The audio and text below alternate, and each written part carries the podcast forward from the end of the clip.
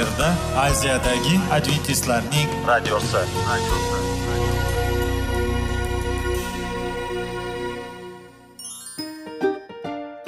Assalomu alaykum aziz radio tinglovchilar. Sog'liq daqiqasi rubrikasiga xush kelibsiz.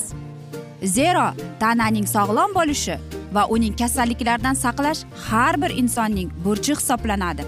Inson uchun bebaho boylik bu sog'liq salomatlikdir. Uni asrash esa har birimizga omonat qilib berilgan. Shuning uchun ham inson o'z sog'lig'ini ehtiyot qilishi va ajib amallardan hisoblanadi. Dono xalqimiz sog'liq tuman boylik deb bejiz aytmagan. Aql idroq sohibi bo'lgan inson o'z hayotini qadrlashi lozim bo'ladi. Hozirgi kunda qanchalik dori darmonlar ko'paymasin tibbiy muassa sifati shifokorlar vasiyasi tibbiy texnika yaxshilanmasin. Agar insonning o'z salomatligi haqida qayg'urmasa kutilgan natijaga erishib bo'lmaydi va biz sizlarga bizning dasturimizga xush kelibsiz deymiz.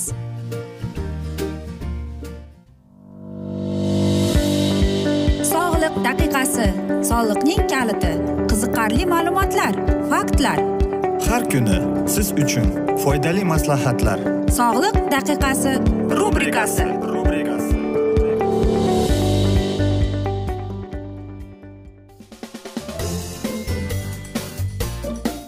assalomu alaykum aziz radio tinglovchilar. Dasturimizga xush kelibsiz va biz sizlar bilan besh daqiqa sog'liq uchun deb atalgan dasturimizda xushvaqt bo'ling deb aytamiz.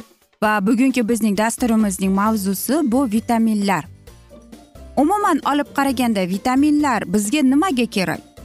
Vitaminlar bizning aytaylikki organizmimizdagini va butun tolamizdagi sistemasiga kuch quvvat beruvchi moddalar hisoblanadi. Biz bu vitaminlarni ovqat bilan qabul qilamiz mevalardan qabul qilamiz. Va bilasizmi olimlar aytadiki va shifokorlar ham aytadiki har bir deydi vitaminning yetishmovchiligi deyapti bizning sog'lig'imizga xavf tug'diradi deydi. Albatta bilasizmi ular vitaminlar deydi kalorinli emas deydi va ularning bunday kaloriylik qadriyati ham yo'q deydi. Ular bizga ovqatni deydi ovqatga biz ularni almashtirolmaymiz. Biz ularni ovqat bilan qabul qilamiz deydi. Ularni qabul qilganimizda biz yashaymiz deydi. Lekin nechi xil vitamin borligini bilasizmi? Ko'pinchasi suvda eruvchi vitaminlar bo'ladi va faqatgina to'rttasi yog'da eriydi. Ya'ni bu vitamin a d e k. Va bilasizmi yana bir vitamin bor bu vitamin f. Har bir mana shunday vitaminlar o'zining biologik va kimyoviy taraflama faolligi bilan ajralib turadi. Agar biz e, mana shu vitaminlarimizni qabul qilmasak yoki biz uni qabul kunlik ovqatimizda mana shu vitaminlarimizni qabul qilamiz va albatta ular bizning organizmimizda to'planib qonga ketadi va bu vitamin a bo'ladi. E, vitamin a insonning e, jigarida undagi bo'lgan aytaylikki bir vitamin a bir yilga yetadi deydi. Vitamin e va d deydi. Ular asosan e, yog'li tanamizda bo'ladi. Bu e va boshqa tanalarda bo'ladi. Vitamin d esa u aytaylikda buyrakda bo'lar ekan deydi. Vitamin k bir k ikki esa bizdagi bo'lgan oshqozon bakteriyalari bilan ishlab chiqarilar ekan. F vitamini esa tabiiy yog'larda mavjud. Demak bizning mana shu menyumiz ya'ni kunlik ovqatimiz shunday tuzilishi kerakki har bir vitaminda bo'ladigan har bir inson kunlik bir sutkada qancha vitamin qabul qilishida. Shuning uchun ham biz sizlarga aytmoqchimizki agar siz aytaylikki bir taomni qilyapsizmi demak o'sha vitamin borligini hisobga ham olib tayyorlashingiz kerak deydi. Chunki aynan mana shunday deydi. Aytaylikki minimal darajada qilingan va tayyorlangan ovqat mana shu vitaminlar borligida ular bizning oshqozonimizni to'g'ri funksiyalashiga yordam beradi deydi. Ko'pincha biz vitamin deb aytganimizda biz aytaylikki kapsula yoki kukun sifat yoki suyuqlikda aytamiz va albatta ko'plab vitaminlarni biz dorixonalardan ham xarid qilsak bo'ladi. Lekin hammasi ham dori emasligini buni isbotlash kerak deydi. Albatta bilasizmi bu juda bahslangan savol desak ham bo'ladi. Ko'pincha vitaminlarni deydi biz dori bilan qabul qilamiz deb o'ylashadi yoki aytaylikki e, dorixonadan qabul qilsak bu to'g'ri vitaminlar deb. Lekin yana bir bor aytib o'taman biz vitaminni ovqat bilan qabul qilamiz. Eng asosiy bizning hayotimizning e, rolimizda o'ynaydigan bu beta karantindir ya'ni bu kimyoviy vitamin a ning Э, aytaylikki otasi. Va qarangki bu narsa deydi bizga eng kerakli va eng foydali deydi bilasizmi u olimlar shunday tajribalar o'tkazgan ekanki dunyo bo'yicha beta karantin deydi hattoki saraton kasalligida deyapti davolanishda yordam beradi deydi masalan yaponiya norvegiyada eng ko'p beta karantin yeyishar ekan va ularning aytaylikki o'pka saratoni ko'krak yoki yog'on ichki ichaklar erkaklarning kasalligi ayollarning kasalligi deydi ularda kam uchraydi deydi. Va onkologiyada o'tkazilgan mana shunday tajribada ko'rsatdiki beta karantinda uch oydan olti oygacha qabul qilganlar ulardagi hattoki deydi mana shu saraton kasalligining deydi o'zgarishi yetmish foizga kelib chiqqan deydi. Ya'ni bir kunlik insonning qabuli dozasi bu beta karantinning o'n ming yigirma e, minggacha bo'lishi kerak. Demak bu единицani biz uch milligrammga bo'lsak demak uch milligramm vitamin a bo'lishi kerak. Va eng asosiysi deyapti beta karantin bizdagi bo'lgan vitamin cni qabul qilishga yordam beradi deydi. Albatta biz vitaminlar haqida suhbatlashsak masalan vitamin a bizga nima yordam beradi deb aytishingiz mumkin.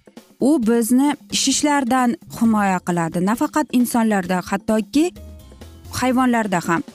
Va mana shunday tajribalar sichqonlarda o'tkazilgan ekan. Masalan saraton kasali bo'lgan sichqonlarda ularni ikki guruhga bo'lgan. Birinchi guruh yigirma to'rtta sichqondan bo'lgan ikkinchi guruh esa qoyilgan guruh shu darajada bo'lgan ekan. Demak qarang yigirma to'rtta sichqon aynan vitamin a ovqati borligini yegan qolgani esa yemagan. Ko'pincha mana shu vitaminlarni yegan deyapti ularda saraton kasalligi yo'q chiqqan deyapti. Aziz do'stlar biz esa mana shunday asnoda bugungi dasturimizni yakunlab qolamiz chunki vaqt birozgina chetlatilgan. Lekin keyingi dasturlarda albatta mana shu mavzuni yana o'qib eshittiramiz va agar sizlarda savollar tug'ilgan bo'lsa biz sizlarni salomat klub internet saytimizga taklif qilib qolamiz. Yoki biz bilan whatsapp orqali aloqaga chiqishingiz mumkin. Bizning whatsapp raqamimiz plyus bir uch yuz bir yetti yuz oltmish oltmish yetmish. Men umid qilaman bizni tark etmaysiz deb chunki oldinda bundanda qiziq va foydali dasturlar kutib kelmoqda deymiz. Biz esa sizlarga va oilangizga tinchlik totuvlik tilab sog'lik salomatlik tilab o'zingizni va yaqinlaringizni ehtiyot qiling deymiz.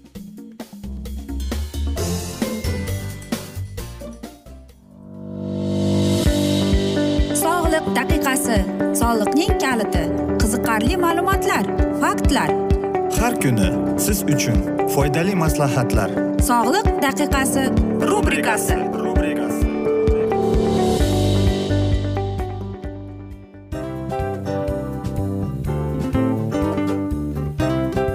Mana ha hayotda hamma narsaning yaxshi narsalar tugaydi va yakunlaydi degandek bizning dasturimizga ham yakun keldi o'ylaymanki bizning dasturimiz sizga foydali bo'ldi deb. Aziz radio tinglovchimiz va siz o'zingiz uchun kerakli xulosalar kerakli maslahatlar olib oldingiz. Aziz radio tinglovchimiz biz bilan qoling va keyingi dasturlarimiz albatta undanda qiziqroq bo'ladi. Mana shu alfozda sizlar bilan xayrlashib qolaman.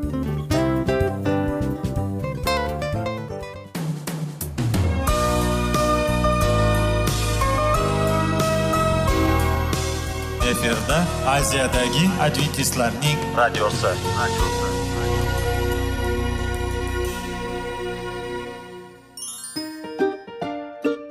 Assalomu alaykum aziz radio tinglovchilarimiz. Dil izhori dasturimizga xush kelibsiz. Pul insonni baxtli qiladimi? Albatta yo'q. Sog'liqchi. Albatta bo'lishi mumkindir. Lekin olimlar shuni isbotlashdiki to'liq va mukammal munosabatlar insonlarni baxtli qilar ekan. Albatta biz hayot davomida biz yaqin insonlar bilan odamlar bilan aloqada bo'lamiz va ular bilan munosabatlarimiz qanday kechadi qanday tuziladi? Yigit va qiz er va xotin ota ona va farzandlar va yaqin insonlar bilan balkim hozirgi vaqtda kimnidir hayoti yoki munosabatlari buzilyapti va bizning dasturlarimiz ularga yordam bo'ladi deb. Va oldinda sizlarni qiziqarli intervyular va mavzular kutyapti va biz umid qilamizki siz biz bilan qolasiz deb.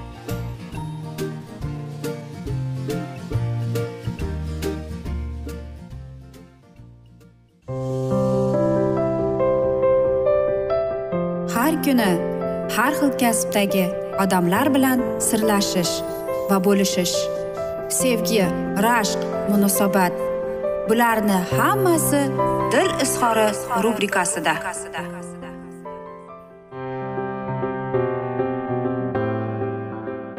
Assalomu alaykum aziz radio tinglovchilar dasturimizga xush kelibsiz va biz sizlar bilan ajoyib sevgi deb nomlangan dasturimizda xushvaqt bo'ling deb aytamiz.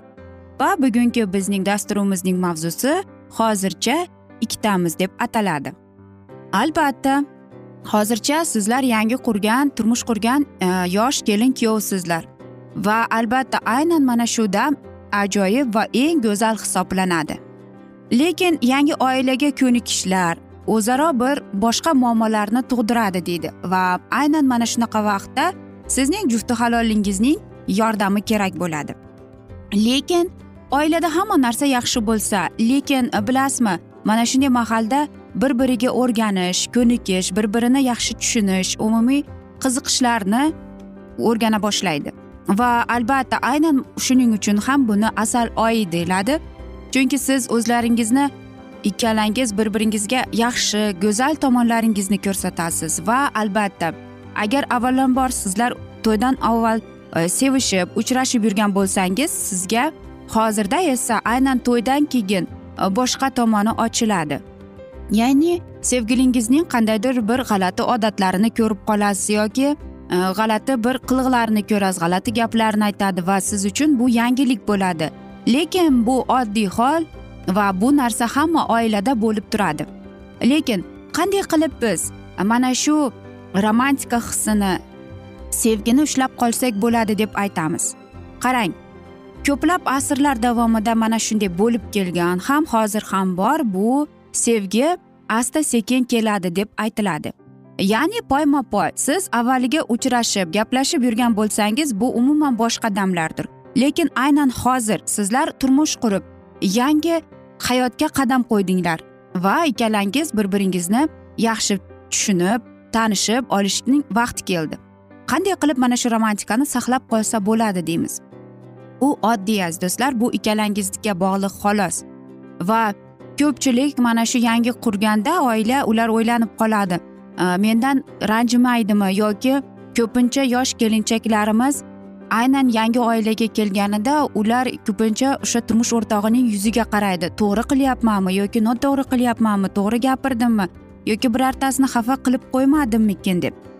Albatta eng asosiysi bu yerda turmush o'rtog'ingizning bo'lgan sizga yordami va o'zaro tushunchilik ya'ni aytishadiku bir biringizni bir qarashda tushunish imo ishora bilan tushunish deb ataladi. Lekin aziz do'stlar e, sevgi mana shunday vaqtda asta sekinlik va yillar davomida sabr toqat mehr oqibatning oqibatidan kelib chiqadi va eng asosiy baxtli oila qurishning bir o'zining qoidalari bor. Birinchi o'rinda sizlar bir biringizni yaxshi tushunib o'zingizni e, mana shunday san'at tomondan ham bir biringizga to'liq ikkalangiz bir odam bo'lishga bir jufti halol bo'lishga intilib yashash kerak. Ya'ni albatta birinchi kunlari birozgina qiyinroq chunki har bir ikkala juftlikning ham e, o'ziga yarasha xarakteri bor. Lekin ana shu xarakterga ham ko'nikib yashash oson emas va bu joyda bir biringizga bo'lgan mag'rurlik qaysarlikni ko'rsatishni birozgina to'xtatib turish kerak. Chunki aynan mana shunaqa mahalda bir biringizga o'rganib bir biringizga qandaydir boshqacha munosabatda bo'lishingizga o'rganish uchun vaqt kerak bo'ladi va bu yerda biz sizlarga faqatgina sabr va toqat mehr oqibat kerak bo'ladi deymiz. Va bilasizmi aynan mana shuning birinchi kunlaridayoq eng asosan bu sabrlik kerak deydi. Nafaqat bu munosabatlarda balki E, jinsiy tomonlama ham deydi. Aynan sabr toqatlik muhim rolni o'ynab qoladi. Mana shundagina deydi ikki inson mana shu romantikani saqlab qolishga qodir deyishadi. Albatta kimdadir to'ydan avval balki qandaydir mana shunday tajribalar bo'lgandir. Lekin tajribalar bo'lgan chog'ida ham aynan turmush o'rtog'ingizga mana shunday narsalarni e, yomon odatlaringizni tajribalaringiz haqida aytish umuman man etiladi deymiz. Chunki aynan mana shunday narsalar boshqa jufti halolingizda aytaylikki sevgilingizda boshqacha taassurot uyg'otishi mumkin deb qolamiz. Shuning uchun ham aytmoqchimizki eng asosan bu yerda o'zingizning hislaringiz bir biringizga bo'lgan mana shu quvonchli hislarga berilib mehr oqibat sabr toqat hurmat qadrlash buning hammasi bir kunda yoki yangi oilada qanday gulga o'xshab ochila boshlaydi deymiz. Shuning uchun ham aziz do'stlar sizlarga mana shunday yangi turmush qurgan bo'lsangiz albatta bir biringizda sizlarda hozirgi damda hislaringiz yangi xuddi gul ochilgan mahaldek. Shuning uchun buni avaylab asrab o'ta ehtiyotkorona munosabatda bo'lib aytilgan so'zlarga e'tibor berib qarab bir biringizga munosabatda bo'lishingiz kerak. Va shundagina faqatgina sizlar bu narsani saqlab qolasiz biz hammamiz ham mukammal emasmiz. Agar aytaylikki siz e, mana shu jufti halolingiz siz o'ylagan inson bo'lmadi deb siz birinchi kunda yoki birinchi oyda shunday xayollarga kelgan bo'lsangiz demak sizda xatolik bo'ladi. Chunki siz ham u ham mukammal emas aziz do'stlar. Buni hech qachon unutmang. Axir bu yangi qurilgan oila yangi jamiyat va bu jamiyatda faqatgina ikkalangiz bor. Boshqa hech kim yo'q. Va farzand paydo bo'lishidan avval bir biringizga ko'nikib o'rganib bir biringizni sevib hurmat qilishga ayni muddo deymiz. Biz esa mana shunday asnoda bugungi dasturimizni yakunlab qolamiz vaqt birozgina chetlatilgan lekin keyingi dasturlarda albatta mana shu mavzuni yana o'qib eshittiramiz. Biz umid qilamizki bizni tark etmaysiz deb chunki oldinda bundanda qiziq va foydali dasturlar kutib kelmoqda deymiz aziz do'stlar. Va biz sizlar bilan xayrlashar ekanmiz. Sizlarga va oilangizga tinchlik totuvlik sog'lik salomatlik tilab va dasturlarimizning doimiy shiorini aytib o'tmoqchi edik. Seving seviling deb xayrlashib qolamiz.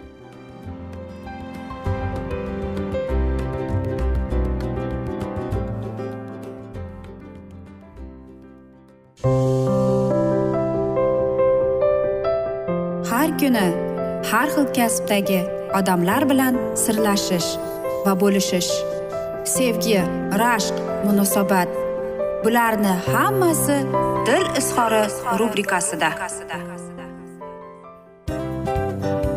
Mana aziz radio tinglovchimiz bizning go'zal va foydali va chiroyli dasturimiz yakunlanib bormoqda. Sizlarga birozgina maslahat berib o'tmoqchi edik. Bir biringizni seving qadringizga yeting. Va erkalang albatta bir biringizni va sizga judayam chiroyli va mustahkam munosabatlar tilab qolamiz albatta. Sevgilingiz doimo yoningizda bo'lsin. Mana shu borada sizlar bilan xayrlashib qolamiz. Xayr.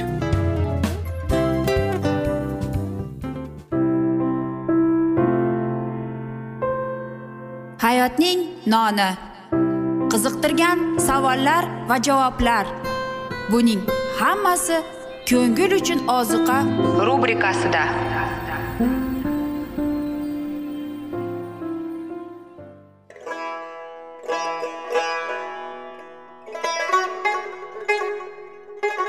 Assalomu alaykum aziz radio tinglovchilarimiz.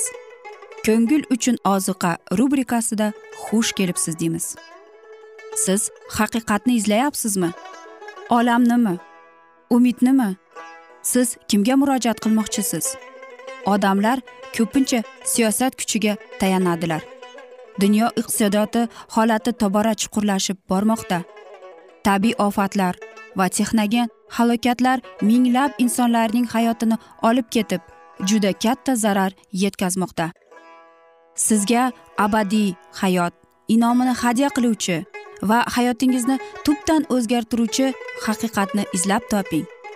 Xudo haqidagi haqiqat uning kalomida mujassamlashgan. Kimki bu haqiqatni butun qalbi bilan izlasa albatta unga yetishadi. Bu sevgi xudoning tarixidir. Hayotingizda yoki sizning yon atrofingizdagi olamda nimalar yuz berishidan qat'iy nazar? Siz ertagi kunga buyuk umid va ishonch hosil qilishingiz mumkin. Hozirda xudo sizga taklif qilayotgan umid ishonchga o'z qalbingizni oching va sizni qiziqtirayotgan mavzularni savollaringizga javoblaringizni topib olasiz deb umid qilamiz. Biz bilan qoling.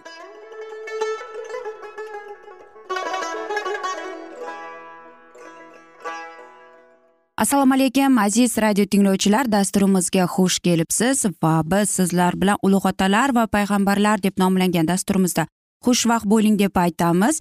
Va bugungi bizning dasturimizning mavzusi dovudning oliy hikmatligi deb ataladi va biz sizlar bilan o'tgan galgi dasturimizning mavzusini bugun davom ettiramiz. Shoul o'rnidan turib tashqariga chiqdi va qidirishni davom etaman deganida uning hayron bo'lgan qulog'iga hazrati mening podshoh degan so'zlar eshitildi. Unga kim murojaat qilayotir deb orqasiga o'girganda nima ekan?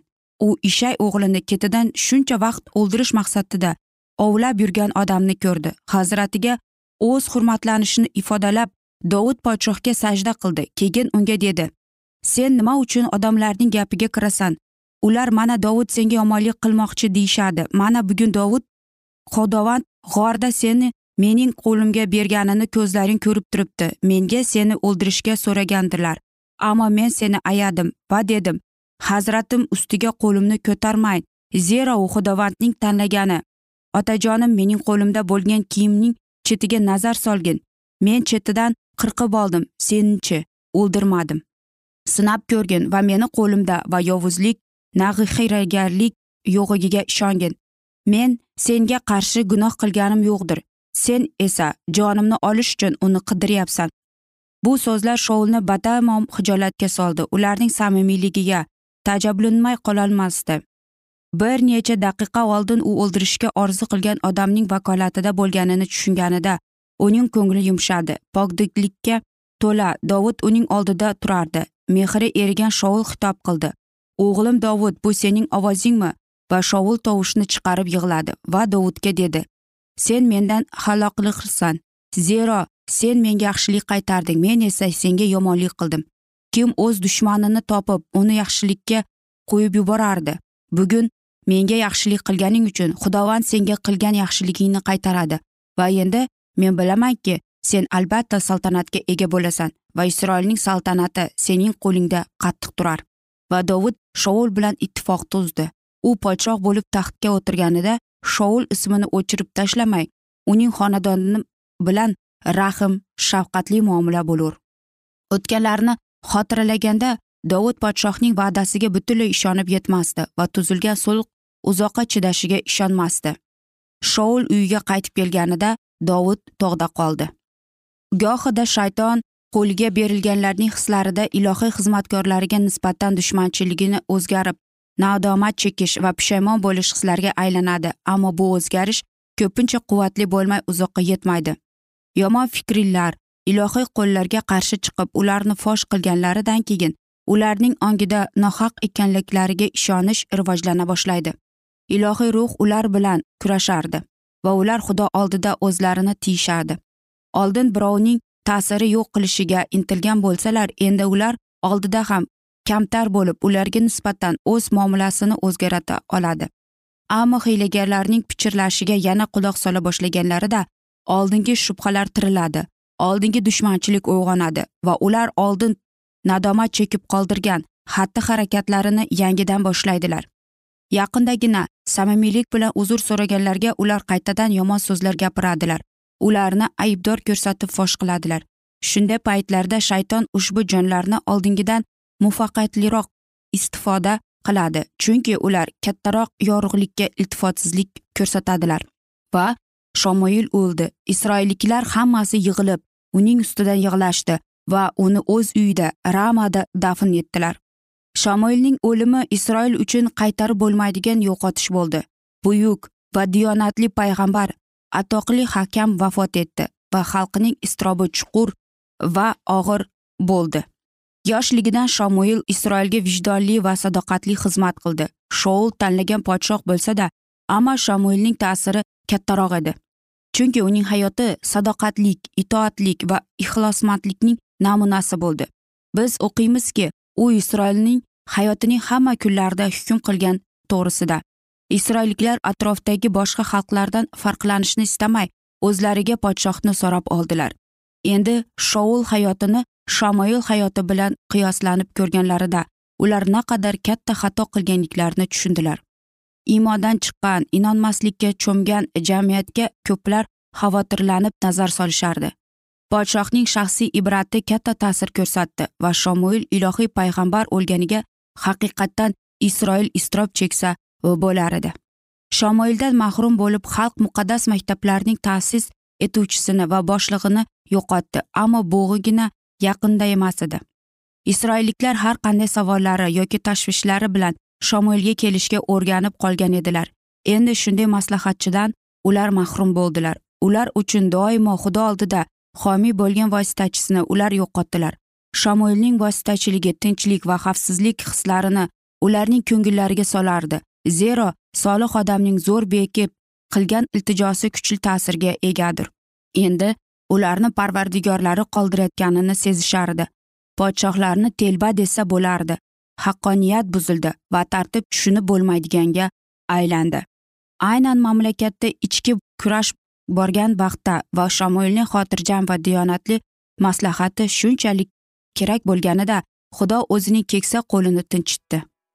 Aziz do'stlar mana shunday asnoda esa biz bugungi dasturimizni yakunlab qolamiz. Afsuski vaqt birozgina chetlatilgan lekin keyingi dasturlarda albatta mana shu mavzuni yana o'qib eshittiramiz. Va siz biz bilan whatsapp orqali aloqaga chiqishingiz mumkin. Bizning whatsapp raqamimiz plyus bir uch yuz bir yetti yuz oltmish oltmish yetmish aziz do'stlar. Va biz umid qilamiz bizni tark etmaysiz chunki oldinda bundanda qiziq va foydali dasturlar kutib kelmoqda deymiz. Va biz sizlarga va oilangizga tinchlik totuvlik tilab va albatta o'zingizni va yaqinlaringizni ehtiyot qiling deb xayrlashib qolamiz.